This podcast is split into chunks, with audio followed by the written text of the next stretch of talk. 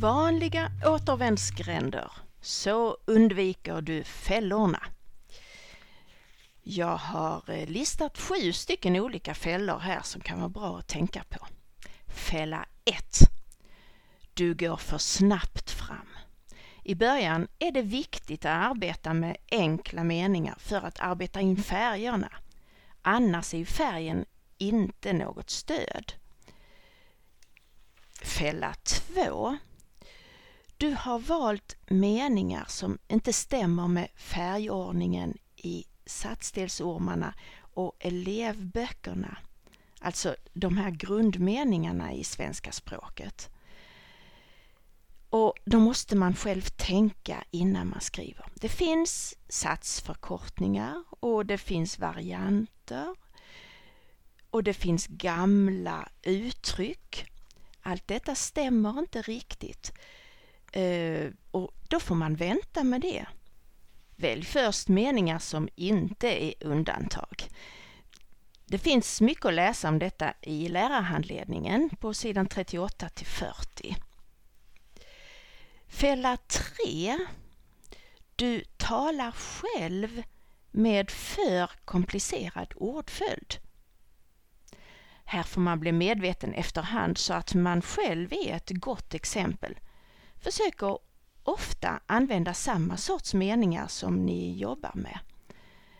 Men du ska ju också ge eleverna chans att höra lite svårare meningar, men kanske inte analysera dem. Sen finns fälla nummer fyra som är precis raka motsatsen. Du vill så gärna att alla ska förstå så du använder elevernas raka ordföljd och elevernas felaktiga former och, mm, mm, och talar bara i enstaka ord. Det är så lätt hänt. I kurs A så måste man ju göra det, men det gäller att hålla efter sig själv. Börja inte förenkla ditt språk så att det till och med blir felaktig meningsbyggnad.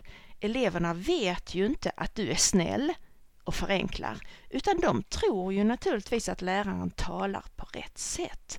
Så förenkla på andra sätt istället. Gör pauser, välj andra ord, betona tydligare. Gör kommatecken i ditt tal. Mm. kommer fälla fem. Du tänker att man måste ge förklaring till allt. Det behövs inte. Ibland får man faktiskt lov att bara säga det är för svårt att förklara just nu, så vi tränar det med öronen istället. Och så upprepar eleverna den här meningen många gånger istället. Öronen är ju de viktigaste inlärningsredskapen vi har. Eh, och då leder det här till faktiskt de två största fällorna. Du, fälla 6. Du glömmer att låta eleverna härma och upprepa. En elev i kurs A kan säga en och annan mycket komplicerad mening eftersom hon har hört den och upprepar. Det behövs ingen förklaring just då. Och i alla kurserna upprepa meningar, upprepa, upprepa. Inte bara två, tre gånger utan låt eleverna upprepa 10-15 gånger. Så många gånger så att till slut så skrattar allihopa.